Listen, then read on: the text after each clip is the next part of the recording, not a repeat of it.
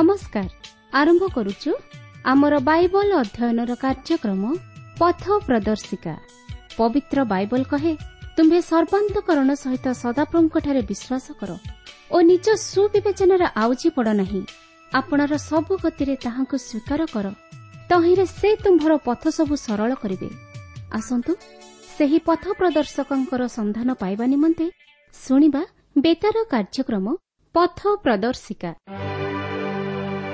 Valley.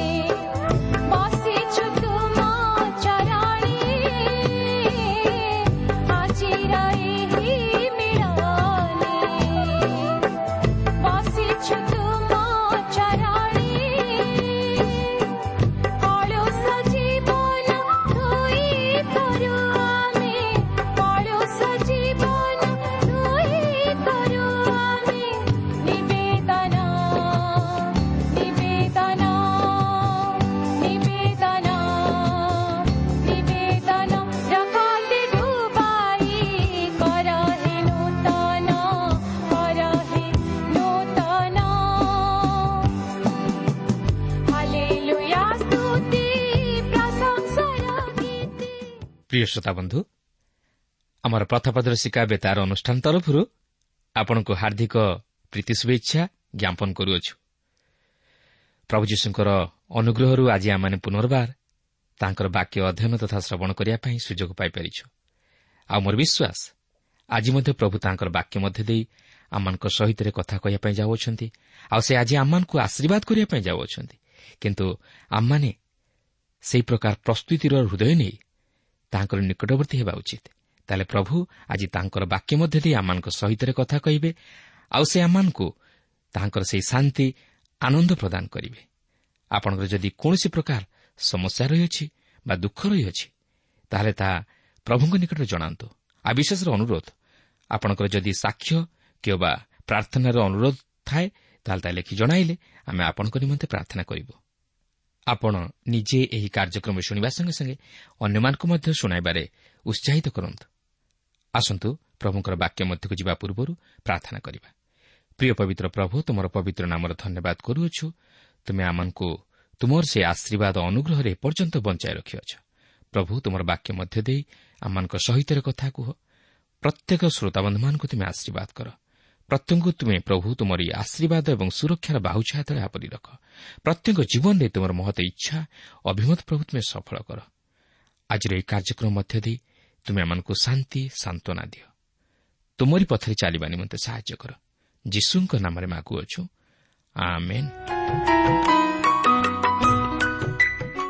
ଆଜି ଆମେ ଦ୍ୱିତୀୟ ବଂଶାବଳୀ ପୁସ୍ତକ ତହିଁର ଆଠ ଓ ନଅ ପର୍ବ ଅଧ୍ୟୟନ କରିବା ପାଇଁ ଯିବା। ଏହାର ମୁଖ୍ୟ ଆଲୋଚନାର ପ୍ରସଙ୍ଗ ହେଉଛି ସଲମନଙ୍କ ଖ୍ୟାତି ଓ ସଫଳତା।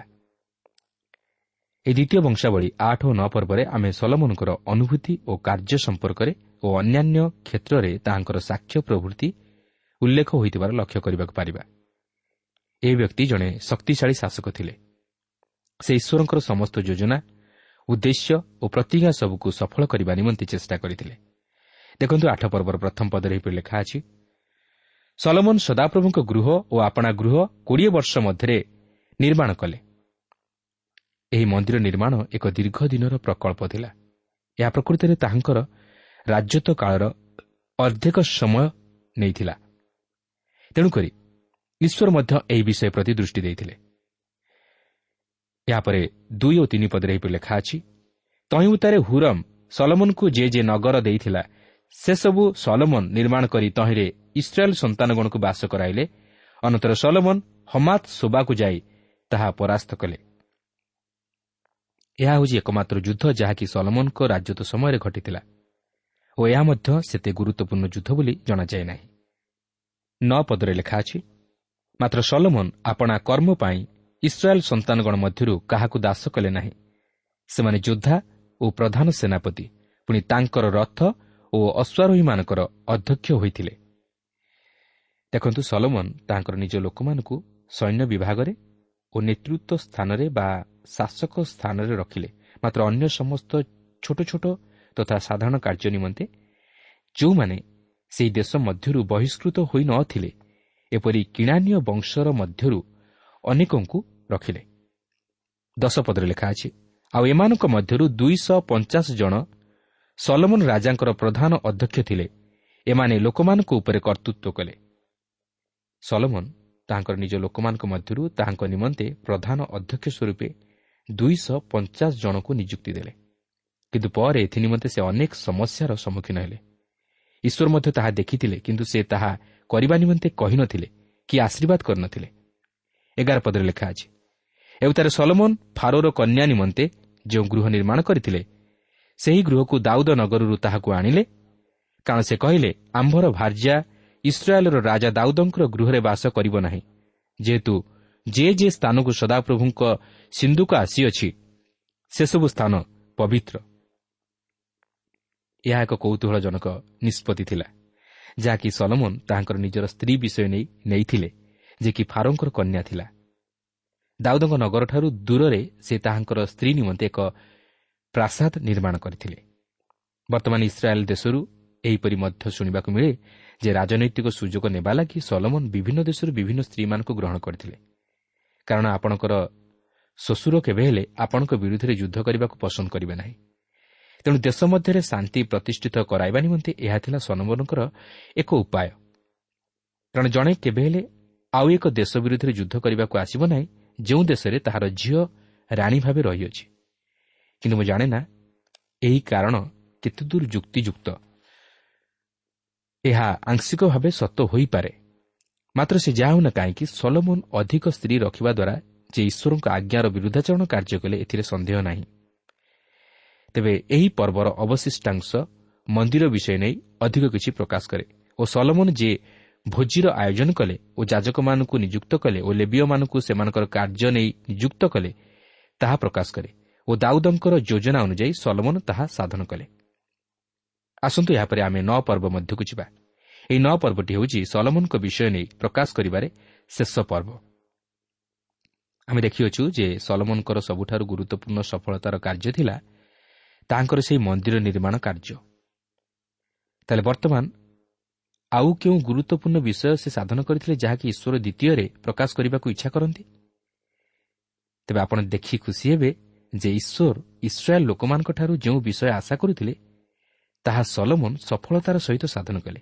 ଆଉ ତାହା ହେଉଛି ଜଗତ ନିକଟରେ ସାକ୍ଷୀ ହେବା। ତେବେ ଏହା ସଲମନଙ୍କ ଦ୍ୱାରା କିପରି ସାଧିତ ହେଲା ତାହା ଏହି ନଅ ପର୍ବରେ ଲକ୍ଷ୍ୟ କରିବାକୁ ଯିବା।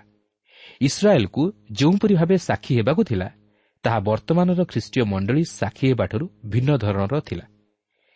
ଇସ୍ରାଏଲ୍କୁ ସେହି ଜିରୁସାଲମକୁ ଯିବାକୁ ଥିଲା। ଓ ତାହା ସହିତ ସେହି ମନ୍ଦିରକୁ ଯାଇ ଉପାସନା କରିବା ନିମନ୍ତେ ସମଗ୍ର ଜଗତକୁ ନିମନ୍ତ୍ରଣ କରିବାକୁ ଥିଲା।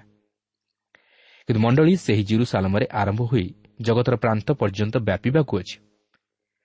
ଅନ୍ୟ ଅର୍ଥରେ କହିବାକୁ ଗଲେ ମଣ୍ଡଳୀ ଜଗତ ନିକଟକୁ ସୁଷମାଚାର ବହନ କରି ନେଇଯିବାକୁ ଅଛି। ମାତ୍ର ଇସ୍ରାଏଲ୍ ନିମନ୍ତେ ସମଗ୍ର ଜଗତକୁ ସେହି ଜିରୁସାଲାମକୁ ଆସିବା ନିମନ୍ତେ ନିମନ୍ତ୍ରଣ କରିବାକୁ ଥିଲା ଓ ମନ୍ଦିରରେ ଈଶ୍ୱରଙ୍କ ଭାବବାଣୀର ଅଂଶୀ କରାଇବାକୁ ଥିଲା। ଇସ୍ରାଏଲ୍କୁ ଏକ ଜାତି ହିସାବରେ ଜଗତ ନିକଟରେ ସତ୍ୟ ଓ ଜୀବନ୍ତ ଈଶ୍ୱର ସାକ୍ଷୀ ହେବାକୁ ଥିଲା। ଓ ମଣ୍ଡଳୀକୁ ବ୍ୟକ୍ତିଗତ ଭାବରେ ସମଗ୍ର ଜଗତ ନିକଟରେ ପ୍ରଭୁ ଯୀଶୁଖ୍ରୀଷ୍ଟଙ୍କୁ ପୁନରୁଦ୍ଧିତ ଓ ଜୀବନ୍ତ ଉଦ୍ଧାରକର୍ତ୍ତା ରୂପେ ପ୍ରଚାର କରିବାକୁ ଅଛି। ବର୍ତ୍ତମାନ ଇସ୍ରାଏଲ୍ କେତେକ ପରିମାଣରେ ତାହାର ଈଶ୍ୱର ଦତ୍ତ ଉଦ୍ଦେଶ୍ୟକୁ ସଫଳ କରିଅଛି ଯାହାକି ସେହି ମନ୍ଦିରକୁ ଆସି ଈଶ୍ୱରଙ୍କ ସେବା ଉପାସନାରେ ଅଂଶୀ ହୋଇ ଈଶ୍ୱରଙ୍କ ବିଷୟରେ ଜାଣିବା ନିମନ୍ତେ ଆଗ୍ରହ ପ୍ରକାଶ କରିଥିବା କେତେକ ବିଜାତୀୟମାନଙ୍କ ଦ୍ୱାରା ସୁସ୍ପଷ୍ଟ ହୋଇଅଛି। କିନ୍ତୁ ମଣ୍ଡଳୀର କୃତକାର୍ଯ୍ୟ ହେବାର ମାପକାଠି ହେଉଛି କେତେକ ଜାତି ଓ ଗୋଷ୍ଠୀର ଲୋକମାନେ ଅଛନ୍ତି ଯେଉଁମାନଙ୍କ ନିକଟକୁ ଆଜି ଆମେ ସୁଷମାଚାର ବହନ କରି ନେଇକି ଯାଉ। ଦାଉଦ ଓ ସଲମନଙ୍କ ସମୟରେ ବିଜାତୀୟମାନେ ଇସ୍ରାଏଲ୍ର ଈଶ୍ୱରଙ୍କର ପରିଚୟ ପାଇଥିଲେ। ଯେଉଁମାନଙ୍କ ବିଷୟରେ ଆମମାନେ ଜାଣିନାହୁଁ କି ଈଶ୍ୱରଙ୍କ ବାକ୍ୟ ମଧ୍ୟରେ ଲିଖିତ ଆକାରରେ ସ୍ଥାନ ପାଇନାହିଁ ମାତ୍ର ତଥାପି କେତେକ ବିଜାତୀୟଙ୍କ ବିଷୟରେ ପରିଚୟ ପାଉ ସେମାନେ ହେଲେ ସ୍ୱରର ରାଜା ହିରମ ଓ ଶିବା ଦେଶର ରାଣୀ। ହିରମ ଯିଏକି ସ୍ୱରର ରାଜା ଥିଲେ ଓ ଦାଉଦଙ୍କର ବନ୍ଧୁ ଥିଲେ ସେ ଈଶ୍ୱରଙ୍କ ବିଷୟରେ ଜାଣିବାକୁ ପାରିଲେ। ସେ ସେହି ମନ୍ଦିର ନିମନ୍ତେ ଅନେକ ବହୁମୂଲ୍ୟ ବିଷୟମାନ ଦାନ କରିଥିଲେ। ସେ ମନ୍ଦିର ନିମନ୍ତେ ଅନେକ ଉପାଦାନମାନ ଓ କାର୍ଯ୍ୟକାରୀମାନଙ୍କୁ ଯୋଗାଇଲେ। ଆପଣ ଜାଣନ୍ତି ସେ ସଲମନଙ୍କ ନିକଟକୁ କ'ଣ ଲେଖିଥିଲେ? ଦ୍ୱିତୀୟ ବଂଶାବଳୀ ଦୁଇ ପର୍ବର ବାରପଦରେ ଏହିପରି ଲେଖା ଅଛି। ହିରମ ଆହୁରି କହିଲା ସ୍ୱର୍ଗ ଓ ପୃଥିବୀର ସୃଷ୍ଟିକର୍ତ୍ତା ସଦାପ୍ରଭୁ ଇସ୍ରାଏଲ୍ର ପରମେଶ୍ୱର ଧନ୍ୟ ହୁଅନ୍ତୁ। ସେ ସଦାପ୍ରଭୁଙ୍କ ନିମନ୍ତେ ଏକ ଗୃହ ଓ ଆପଣା ରାଜ୍ୟ ନିମନ୍ତେ ଏକ ଗୃହ ନିର୍ମାଣ ପାଇଁ ଦାଉଦ ରାଜାଙ୍କୁ ବୁଦ୍ଧି ଓ ବିବେଚନା ବିଶିଷ୍ଟ ଏକ ଜ୍ଞାନବାନ ପୁତ୍ର ଦେଇଅଛନ୍ତି। ହିରମ ଜେଫତ୍ର ପୁତ୍ର ଥିଲେ। ସେହିପରି ଶିବାଦେଶର ରାଣୀଙ୍କ ବିଷୟରେ ଏହି ନଅ ପର୍ବରେ ଉଲ୍ଲେଖ ହୋଇଅଛି ଯେପରି ଆମେ ଜାଣିବାକୁ ପାରିବୁ ଯେ ଇସ୍ରାଏଲ୍ ଜଗତର ପ୍ରାନ୍ତ ପର୍ଯ୍ୟନ୍ତ ଈଶ୍ୱରଙ୍କ ନିମନ୍ତେ ସାକ୍ଷୀ ହୋଇଥିଲେ ସେହିପରି ଏଠାରେ ମୁଁ ଆପଣଙ୍କୁ ସ୍ମରଣ କରାଇଦିଏ ଯେ ଯେତେବେଳେ ଆମେ ନୂତନ ନିୟମରେ ସେହି ଆଦ୍ୟ ମଣ୍ଡଳୀର ପ୍ରଚାର କାର୍ଯ୍ୟ ବିଷୟରେ ଦେଖିବାକୁ ପାରୁ ସେତେବେଳେ ଆମେ ଉଦାହରଣ ସ୍ୱରୂପେ କେତେକ ବିଜାତୀୟଙ୍କୁ ଦେଖିବାକୁ ପାରୁ ଯେଉଁମାନେ କି ଖ୍ରୀଷ୍ଟଙ୍କଠାରେ ବିଶ୍ୱାସ କରି ତାହାଙ୍କୁ ଗ୍ରହଣ କରିଥିଲେ। ସେମାନେ ହେଲେ ଇଥିଓପିଆର ନପୁଂସକ ଯେ କି ହାମର ସନ୍ତାନ ଥିଲେ। କର୍ଣ୍ଣିଲିୟ ଯେ କି ଜେଫତର ସନ୍ତାନ ଓ ତାର୍ସର ସାଉଲ ଯେ କି ସେମର ସନ୍ତାନ ଥିଲେ ଓ ସେହି ସେମ ହାମ ଓ ଜେଫତ ନୋହଙ୍କର ସନ୍ତାନ ଥିଲେ। ତେଣୁକରି ଏହିପରି ଭାବରେ ସୁଷମାଚାର ସମଗ୍ର ମାନବ ଜାତି ନିକଟରେ ପହଞ୍ଚି ପାରିଛି ଓ ବର୍ତ୍ତମାନ ମଧ୍ୟ ପ୍ରଚାରିତ ହେଉଅଛି ଓ ଅନେକ ସେହି ତ୍ରାଣକର୍ତ୍ତା ପ୍ରଭୁ ଯୀଶୁଖ୍ରୀଷ୍ଟଙ୍କଠାରେ ବିଶ୍ୱାସ କରି ପାପରୁ ଉଦ୍ଧାର ପାଇ ଅନନ୍ତ ଜୀବନରେ ପ୍ରବେଶ କରୁଅଛନ୍ତି। ସେହି ପୁରାତନ ନିୟମର ସମୟଠାରୁ ଆଜି ପର୍ଯ୍ୟନ୍ତ ବାକ୍ୟ ପ୍ରଚାରିତ ହେବାରେ ଲାଗିଛି। ଅନେକ ଈଶ୍ୱରଙ୍କର ପରିଚୟ ପାଇ ଈଶ୍ୱରଙ୍କ ରାଜ୍ୟର ଅଧିକାରୀ ହେଉଅଛନ୍ତି ଓ ଈଶ୍ୱରଙ୍କ ସନ୍ତାନ ରୂପେ ଗୃହୀତ ହେଉଅଛନ୍ତି। ଆସନ୍ତୁ ଏହି ନଅ ପର୍ବରେ ଶିବା ଦେଶର ରାଣୀ କିପରି ଜିରୁସାଲମକୁ ଆସି ଈଶ୍ୱରଙ୍କର ପରିଚୟ ପାଇଥିଲେ ଓ ସଲମନକୁ ସାକ୍ଷାତ କରିଥିଲେ ତାହା ଲକ୍ଷ୍ୟ କରିବାକୁ ଯିବା। ଦେଖନ୍ତୁ ନଅ ପର୍ବର ପ୍ରଥମ ଦୁଇ ପଦରେ ଏହିପରି ଲେଖା ଅଛି ଅନନ୍ତର ଶିବା ଦେଶର ରାଣୀ ସଲମନଙ୍କର ସୁଖ୍ୟାତି ଶୁଣି ନିଗୁଡ଼ା ପ୍ରଶ୍ନ ଦ୍ୱାରା ଜିରୁସାଲାମରେ ସଲମନଙ୍କର ପରୀକ୍ଷା କରିବା ପାଇଁ ସୁଗନ୍ଧି ଦ୍ରବ୍ୟ ଓ ବିସ୍ତର ସୁବର୍ଣ୍ଣ ଓ ମଣିବାହକ ଉଷ୍ଟ୍ରଗଣ ସଙ୍ଗେ ନେଇ ମହାସମାରୋହରେ ଆସିଲା। ପୁଣି ସେ ସଲମନଙ୍କ ନିକଟକୁ ଆସି ଆପଣା ମନରେ ଯାହା ଯାହା ଥିଲା ସେସବୁ ବିଷୟରେ ତାଙ୍କ ସଙ୍ଗେ କଥାବାର୍ତ୍ତା କଲା। ତହିଁରେ ସଲମନ ତାହାର ସମସ୍ତ ପ୍ରଶ୍ନର ଉତ୍ତର କଲେ ଓ ସଲମନଙ୍କର ବୋଧାଗମ୍ୟ କୌଣସି ବିଷୟ ନଥିଲା ଯାହା ସେ ତାହାକୁ କହିଲେ ନାହିଁ। ଅନ୍ୟ ଅର୍ଥରେ କହିବାକୁ ଗଲେ ସଲମନ ଶିବାର ରାଣୀକୁ ତାହାଙ୍କ ରାଜ୍ୟର ସମସ୍ତ ବିଷୟ ଜଣାଇଲେ। ସେ ତାହାକୁ କହିଲେ ଯେ ଈଶ୍ୱର ତାହାଙ୍କୁ ତାହାଙ୍କର ଜ୍ଞାନ ପ୍ରଦାନ କରିଅଛନ୍ତି। ସେ ମଧ୍ୟ ତାହାକୁ କହିଲେ ଯେ ମନ୍ଦିର ହେଉଛି ସେମାନଙ୍କର ଈଶ୍ୱରଙ୍କ ସହିତ ସାକ୍ଷାତ କରିବାର ସ୍ଥାନ ଯେହେତୁ ଈଶ୍ୱର ସେମାନଙ୍କୁ ସେହି ସ୍ଥାନରେ ସାକ୍ଷାତ କରିବା ନିମନ୍ତେ କହିଥିଲେ। ତିନି ଓ ଚାରିପଦରେ ଏହିପରି ଲେଖା ଅଛି। ପୁଣି ଶିବାର ରାଣୀ ସଲମନଙ୍କର ଜ୍ଞାନ ଓ ତାଙ୍କ ନିର୍ମିତ ଗୃହ ଓ ତାଙ୍କର ମେଜର ଖାଦ୍ୟଦ୍ରବ୍ୟ ଓ ତାଙ୍କର ଭୃତ୍ୟମାନଙ୍କର ଆସନ ଓ ତାଙ୍କର ମନ୍ତ୍ରୀମାନଙ୍କର ସେବା ଓ ସେମାନଙ୍କର ବସ୍ତ୍ର ଓ ତାଙ୍କର ପାତ୍ରବାହକ ଗଣ ଓ ସେମାନଙ୍କର ବସ୍ତ୍ର ଓ ସଦାପ୍ରଭୁଙ୍କ ଗୃହକୁ ଉଠିଯିବା ପାଇଁ ତାହାର ପାବଛ ଏହିସବୁ ଦେଖି ହତଜ୍ଞାନ ହେଲା। ପ୍ରଥମ ରାଜାବଳୀ ଦଶ ପର୍ବର ଚବିଶ ପଦରେ ଲେଖା ଅଛି ଆଉ ପରମେଶ୍ୱର ସଲମନଙ୍କର ହୃଦୟରେ ଯେଉଁ ଜ୍ଞାନ ଦେଇଥିଲେ ତାହାଙ୍କର ସେହି ଜ୍ଞାନର କଥା ଶୁଣିବାକୁ ପୃଥିବୀସ୍ଥ ସମସ୍ତେ ତାହାଙ୍କର ସାକ୍ଷାତ କରିବାକୁ ଲୋଡ଼ିଲେ। ଏଠାରେ କିନ୍ତୁ କେବଳ ଶିବା ଦେଶର ରାଣୀଙ୍କ ବିଷୟ ଉଦାହରଣ ସ୍ୱରୂପ ଉପସ୍ଥାପିତ କରାଯାଇଅଛି କିନ୍ତୁ ଆପଣ ଦେଖିବାକୁ ପାରିବେ ଯେ ଇସ୍ରାଏଲ୍ ଜାତି ସମଗ୍ର ଜଗତରେ ଈଶ୍ୱରଙ୍କର ସାକ୍ଷୀ ହେବାରେ କୃତକାର୍ଯ୍ୟ ହୋଇଥିଲେ। ଲେଖା ଅଛି ସଦାପ୍ରଭୁଙ୍କ ଗୃହକୁ ଉଠିଯିବା ପାଇଁ ତାହାର ପାବଛ ଏହା ହୋମବଳି ଥିଲା ଯାହାକି ସେ ଉତ୍ସର୍ଗ କରିଥିଲେ। ଆଉ ସେହି ହୋମବଳି ଖ୍ରୀଷ୍ଟଙ୍କୁ ଉପସ୍ଥାପିତ କରେ। କୌଣସି ଜାତିର ଏପରି କୌଣସି ବିଷୟ ନଥିଲା ଯାହାକି ପାପ ନିମନ୍ତେ ଉତ୍ସର୍ଗ କରାଯାଉଥିବା ବଳି ସହିତ ସମକକ୍ଷ ହୋଇପାରେ। ଏହି ବିଷୟ ଯାହାକି ସେହି ଶିବାଦେଶର ରାଣୀକୁ ଆଶ୍ଚର୍ଯ୍ୟାନ୍ୱିତ କରିଥିଲା। ଏହି ବଳି ଖ୍ରୀଷ୍ଟଙ୍କ ପ୍ରତି ଅଙ୍ଗୁଳି ନିର୍ଦ୍ଦେଶ କରୁଥିଲା। ଦାଉଦ ସେହି ପ୍ରଭୁ ଯୀଶୁଖ୍ରୀଷ୍ଟଙ୍କ ବିଷୟରେ ଏତେ ଅଧିକ କହିଥିଲେ ଓ ଲେଖିଥିଲେ ଯେ ମୁଁ ଭାବୁନାହିଁ ସଲମନ ଶିବାର ରାଣୀକୁ ତାହା ନ କହି ଛାଡ଼ି ଦେଇଥିବ ବୋଲି। ଏହାପରେ ନଅ ପର୍ବର ପାଞ୍ଚ ଓ ଛଅ ପଦରେ ଏହିପରି ଲେଖା ଅଛି ତୁ ସେ ରାଜାଙ୍କୁ କହିଲା ଆମ୍ଭେ ଆପଣା ଦେଶରେ ଥାଇ ଆପଣଙ୍କ କାର୍ଯ୍ୟ ଓ ଆପଣଙ୍କ ଜ୍ଞାନ ବିଷୟରେ ଯେଉଁ ସମ୍ବାଦ ପାଇଥିଲୁ ତାହା ସତ୍ୟ। ତଥାପି ଆମ୍ଭେ ଆସି ଆପଣା ଚକ୍ଷୁରେ ନ ଦେଖିବା ଯାଏ ଲୋକମାନଙ୍କର କଥା ବିଶ୍ୱାସ କଲୁ ନାହିଁ। ଆଉ ଦେଖନ୍ତୁ ଆପଣଙ୍କ ଜ୍ଞାନର ଅର୍ଦ୍ଧେକ ମାହାତ୍ମ୍ୟ ଆମ୍ଭକୁ କୁହାଯାଇ ନ ଥିଲା। ଆମ୍ଭ ଶୁଣିବାର ଅପେକ୍ଷା ଆପଣଙ୍କ ସୁଖ୍ୟାତି ଅଧିକ। ଶିବାର ରାଣୀ କହିଲେ ଈଶ୍ୱର ଯାହା ସାଧନ କରିଥିଲେ ଯେତେବେଳେ ତାହା ମୁଁ ଶୁଣିଲି ସେତେବେଳେ ମୁଁ ଏହା ବିଶ୍ୱାସ କଲି ନାହିଁ। କିନ୍ତୁ ରାଣୀଙ୍କର ଯଥେଷ୍ଟ ବିଶ୍ୱାସ ଥିଲା ତେଣୁକରି ଯେତେବେଳେ ସଲମନଙ୍କ ମହାନତା ବିଷୟରେ ଶୁଣିବାକୁ ପାରିଲେ ସେତେବେଳେ ସେ ସଲମନଙ୍କ ନିକଟକୁ ଆସିବା ନିମନ୍ତେ ତାହାଙ୍କର ଯାତ୍ରା ଆରମ୍ଭ କଲେ। ଓ ବିଶ୍ୱାସ କରନ୍ତୁ ସେ ସେହି ଦୀର୍ଘ ମରୁଭୂମିର ପଥ ମଧ୍ୟ ଦେଇ ଅନେକ ଦିନ ଯାତ୍ରା କରିବା ପରେ ଆସି ସଲମନଙ୍କ ନିକଟରେ ପହଞ୍ଚିଥିବେ। ହୋଇପାରେ? ସେ କେତେକ ମାସ ଧରି ସେହି ସୁଦୀର୍ଘ ମରୁଭୂମି ମଧ୍ୟ ଦେଇ ଯାତ୍ରା କରିଥିବେ। କିନ୍ତୁ କ'ଣ ପାଇଁ? ସଲମନଙ୍କର ଜ୍ଞାନର କଥା ଶୁଣିବା ପାଇଁ ଓ ତାହାଙ୍କର ଈଶ୍ୱରଙ୍କ ବିଷୟରେ କିଛି ଶିକ୍ଷା କରିବା ପାଇଁ। ତେଣୁକରି ଯେତେବେଳେ ସେ ସେହି ହୋମବଳି ଦେଖିଲେ ସେତେବେଳେ ସେ ହତଜ୍ଞାନ ହେଲେ। ସେ ଯେପର୍ଯ୍ୟନ୍ତ ତାହା ଦେଖିନଥିଲେ ସେ ପର୍ଯ୍ୟନ୍ତ ସେ ତାହା ବିଶ୍ୱାସ କରିନଥିଲେ। ତେବେ ଦେଖନ୍ତୁ ସେହିସବୁ ଦେଖିବା ପରେ ଶିବାର ରାଣୀ କ'ଣ କହୁଅଛନ୍ତି? ସାତ ଓ ଆଠ ପଦରେ ଲେଖା ଅଛି।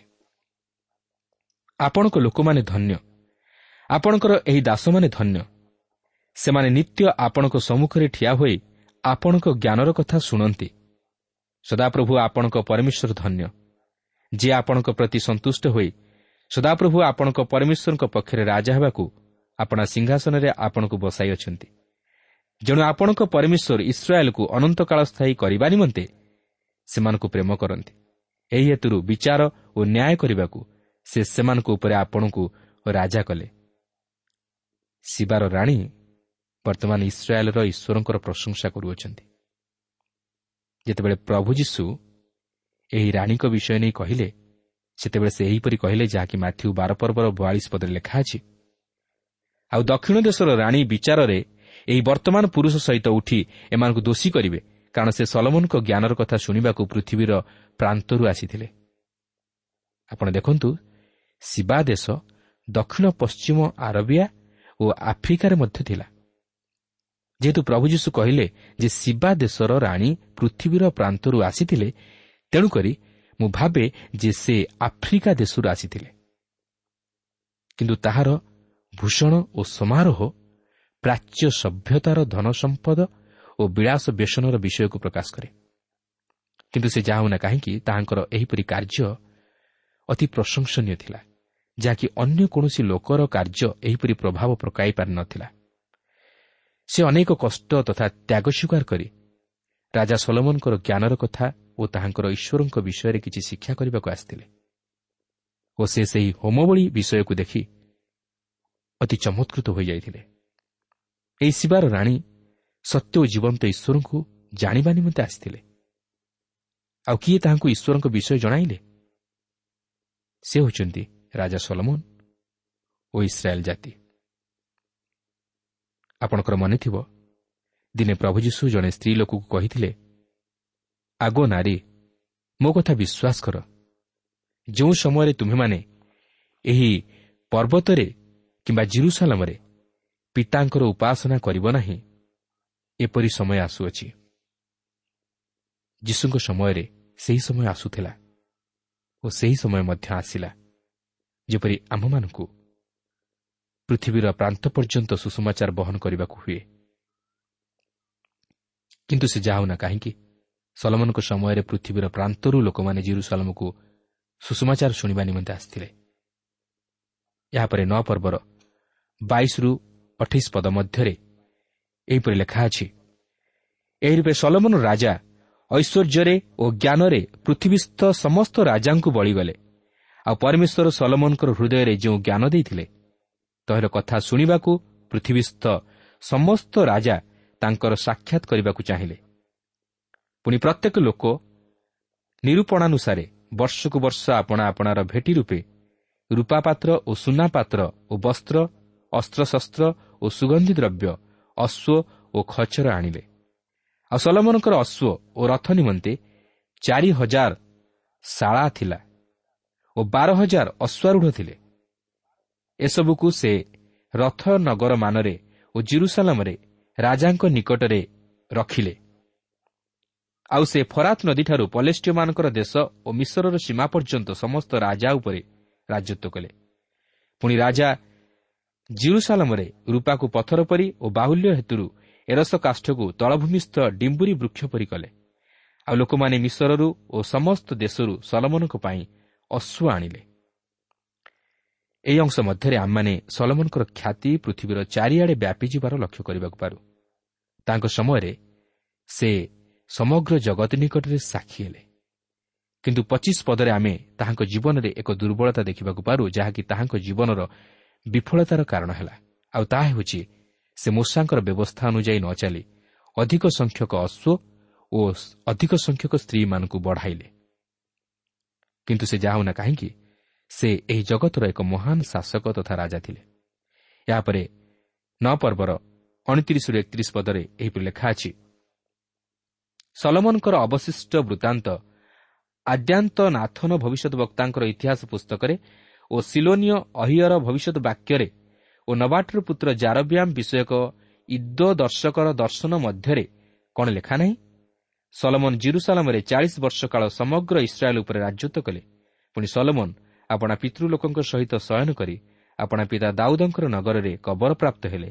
ତ ତାଙ୍କର ପୁତ୍ର ରିହବିୟାମ୍ ତାଙ୍କର ପଦରେ ରାଜ୍ୟ କଲେ। ଏହି ଅଂଶ ମଧ୍ୟରେ ଆମେ ତାଙ୍କର ମୃତ୍ୟୁ ଘଟିବାର ଦେଖିବାକୁ ପାରୁ।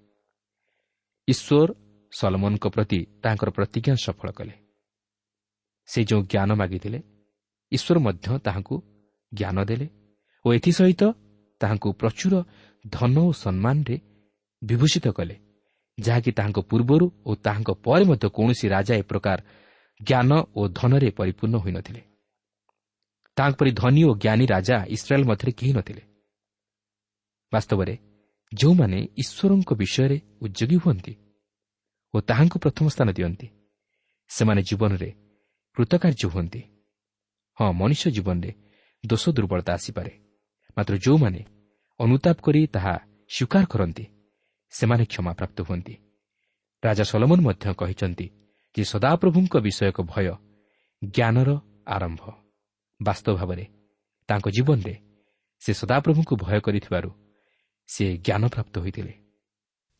ଏପରିକି ଯଦି ଆମେ ପରମଗୀତ ବାର ପର୍ବର ତେର ଓ ଚଉଦ ପଦ ପାଠ କରିବା ତାହେଲେ ସେଠାରେ ଏହିପରି ଲେଖା ଅଛି ସାର କଥା ଏହି ସବୁ ଶୁଣାଯାଇଅଛି। ପରମେଶ୍ୱରଙ୍କୁ ଭୟ କର ଓ ତାହାଙ୍କର ଆଜ୍ଞା ସବୁ ପାଳନ କର। କାରଣ ଏହା ହିଁ ମନୁଷ୍ୟର ପୂର୍ଣ୍ଣ କର୍ତ୍ତବ୍ୟ କର୍ମ ଯେହେତୁ ପରମେଶ୍ୱର ପ୍ରତ୍ୟେକ କର୍ମ ପୁଣି ଭଲ କି ମନ୍ଦ? ପ୍ରତ୍ୟେକ ଗୁପ୍ତ ବିଷୟ ବିଚାରରେ ଆଣିବେ। ପ୍ରିୟ ବନ୍ଧୁ ଜ୍ଞାନୀ ରାଜା ସଲମନ ଏହା ପ୍ରକାଶ କରିଅଛନ୍ତି। ଯେ କି ଅତି ଜ୍ଞାନୀ ଥିଲେ ଅତି ଧନୀ ଥିଲେ ସେ ତାଙ୍କ ଜୀବନରେ ସବୁକିଛି ବିଷୟକୁ ଉପଭୋଗ କରିଥିଲେ। ସବୁ କ୍ଷେତ୍ରରେ ସେ ଯାଇ ଶୀର୍ଷ ସୀମାରେ ପହଞ୍ଚିଥିଲେ। ଜଗତର ସମସ୍ତ ଐଶ୍ୱର୍ଯ୍ୟ ଏ ସବୁକୁ ସେ ଉପଭୋଗ କରିଥିଲେ। ସବୁ ବିଷୟକୁ ସେ ଉପଭୋଗ କରି ଶେଷରେ ସେ ଜାଣିବାକୁ ପାରିଲେ ଯେ ସବୁକିଛି ଅସାର। ଏ ଜଗତରେ ସୂର୍ଯ୍ୟ ତଳେ ଯେଉଁ ସମସ୍ତ ବିଷୟ ରହିଅଛି ସବୁକିଛି ଅସାର। ମାତ୍ର ଶେଷରେ ସେ ସାର ବୋଲି ଗୋଟିଏ ବିଷୟକୁ ଧରିନେଲେ ଆଉ ଗ୍ରହଣ କଲେ। ତାହା ହେଉଛି ପରମେଶ୍ୱରଙ୍କୁ ଭୟ କର ଓ ତାହାଙ୍କର ଆଜ୍ଞା ସବୁ ପାଳନ କର। କାରଣ ଏହା ହିଁ ମନୁଷ୍ୟର ପୂର୍ଣ୍ଣ କର୍ତ୍ତବ୍ୟ କର୍ମ।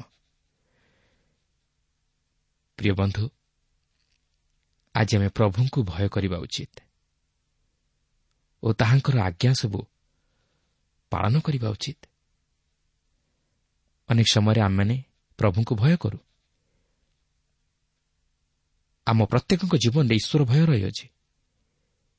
କିନ୍ତୁ ଈଶ୍ୱରଙ୍କର ଆଜ୍ଞାକୁ ପାଳନ କରିବା ନିମନ୍ତେ ଆମମାନେ ଇଚ୍ଛୁକ ନୁହଁ। ତାହା ହିଁ ହେଉଛି ଆମମାନଙ୍କର ପ୍ରଧାନ ଦୁର୍ବଳତା। ପ୍ରଭୁଙ୍କୁ ଆମେ ଭୟ କରୁ ମାତ୍ର ତାହାଙ୍କର ଆଜ୍ଞା ଆମେ ପାଳନ କରିବା ପାଇଁ ଇଚ୍ଛା କରୁନା। ତାହେଲେ ସେ ଭୟ କରିବାରେ କି ଲାଭ? ପ୍ରଭୁ ଚାହାନ୍ତି ଯେପରି ଆମମାନେ ତାହାଙ୍କୁ ଭୟ କରିବା ସଙ୍ଗେ ସଙ୍ଗେ ତାଙ୍କର ବାକ୍ୟର ବଶୀଭୂତ ହେଉ। ତାହାଙ୍କର ଆଜ୍ଞା ଅନୁଯାୟୀ ଜୀବନଯାପନ କରୁ। ତାହେଲେ ଆମମାନେ ତାହାଙ୍କର ସନ୍ତୋଷ ପାତ୍ର ହୋଇପାରିବା। ଜ୍ଞାନୀ ରାଜା ସଲୋମନ ଶେଷରେ ସେ ଏହି ସିଦ୍ଧାନ୍ତରେ ଆସି ଉପନୀତ ହେଲେ। ତାଙ୍କ ଜୀବନରେ କ'ଣ ନଥିଲା ତାଙ୍କଠାରୁ ଧନୀ ଆଉ ତାଙ୍କଠାରୁ ଜ୍ଞାନୀ କେହି ନାହାନ୍ତି? ଏ ଜଗତରେ। କି ହେବେ ନାହିଁ ବୋଲି ଶାସ୍ତ୍ର କହେ। ତାହେଲେ ସେଭଳି ଜ୍ଞାନୀ ସେଭଳି ଧନୀ ଲୋକ ଆଜି ଏ ପ୍ରକାର କହୁଛନ୍ତି ପରମେଶ୍ୱରଙ୍କୁ ଭୟ କର ଓ ତାହାଙ୍କର ଆଜ୍ଞା ସବୁ ପାଳନ କର। ତେଣୁ ଆସୁ ଆଜି ଆମମାନେ ମଧ୍ୟ ପ୍ରଭୁଙ୍କୁ ଭୟ କରି ତାହାଙ୍କର ଆଜ୍ଞା ସବୁ ପାଳନ କରୁ। ତାହେଲେ ଆମମାନେ ଯେ ତାହାଙ୍କର ସନ୍ତୋଷ ପାତ୍ର ହୋଇପାରିବା ତାହା ପ୍ରଭୁ ତାଙ୍କର ବାକ୍ୟ ମଧ୍ୟ ଦେଇ ପ୍ରକାଶ କରିଅଛନ୍ତି। ପ୍ରଭୁ ପ୍ରତ୍ୟେକଙ୍କୁ ଏହି ସଂକ୍ଷିପ୍ତ ଆଲୋଚନା ମଧ୍ୟ ଦେଇ ଆଶୀର୍ବାଦ କରନ୍ତୁ।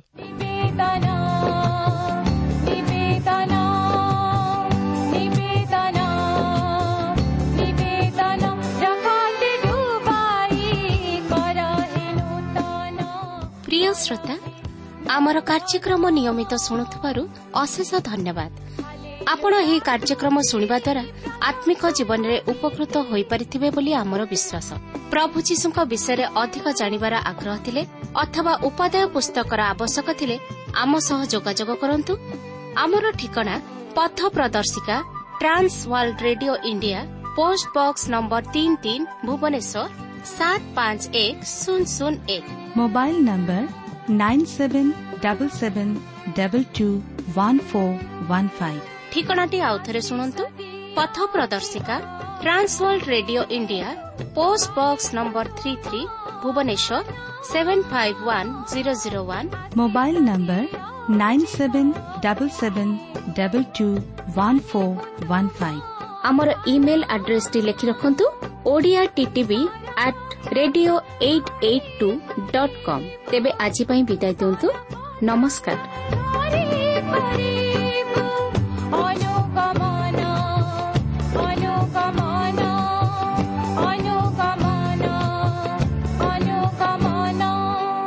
実相と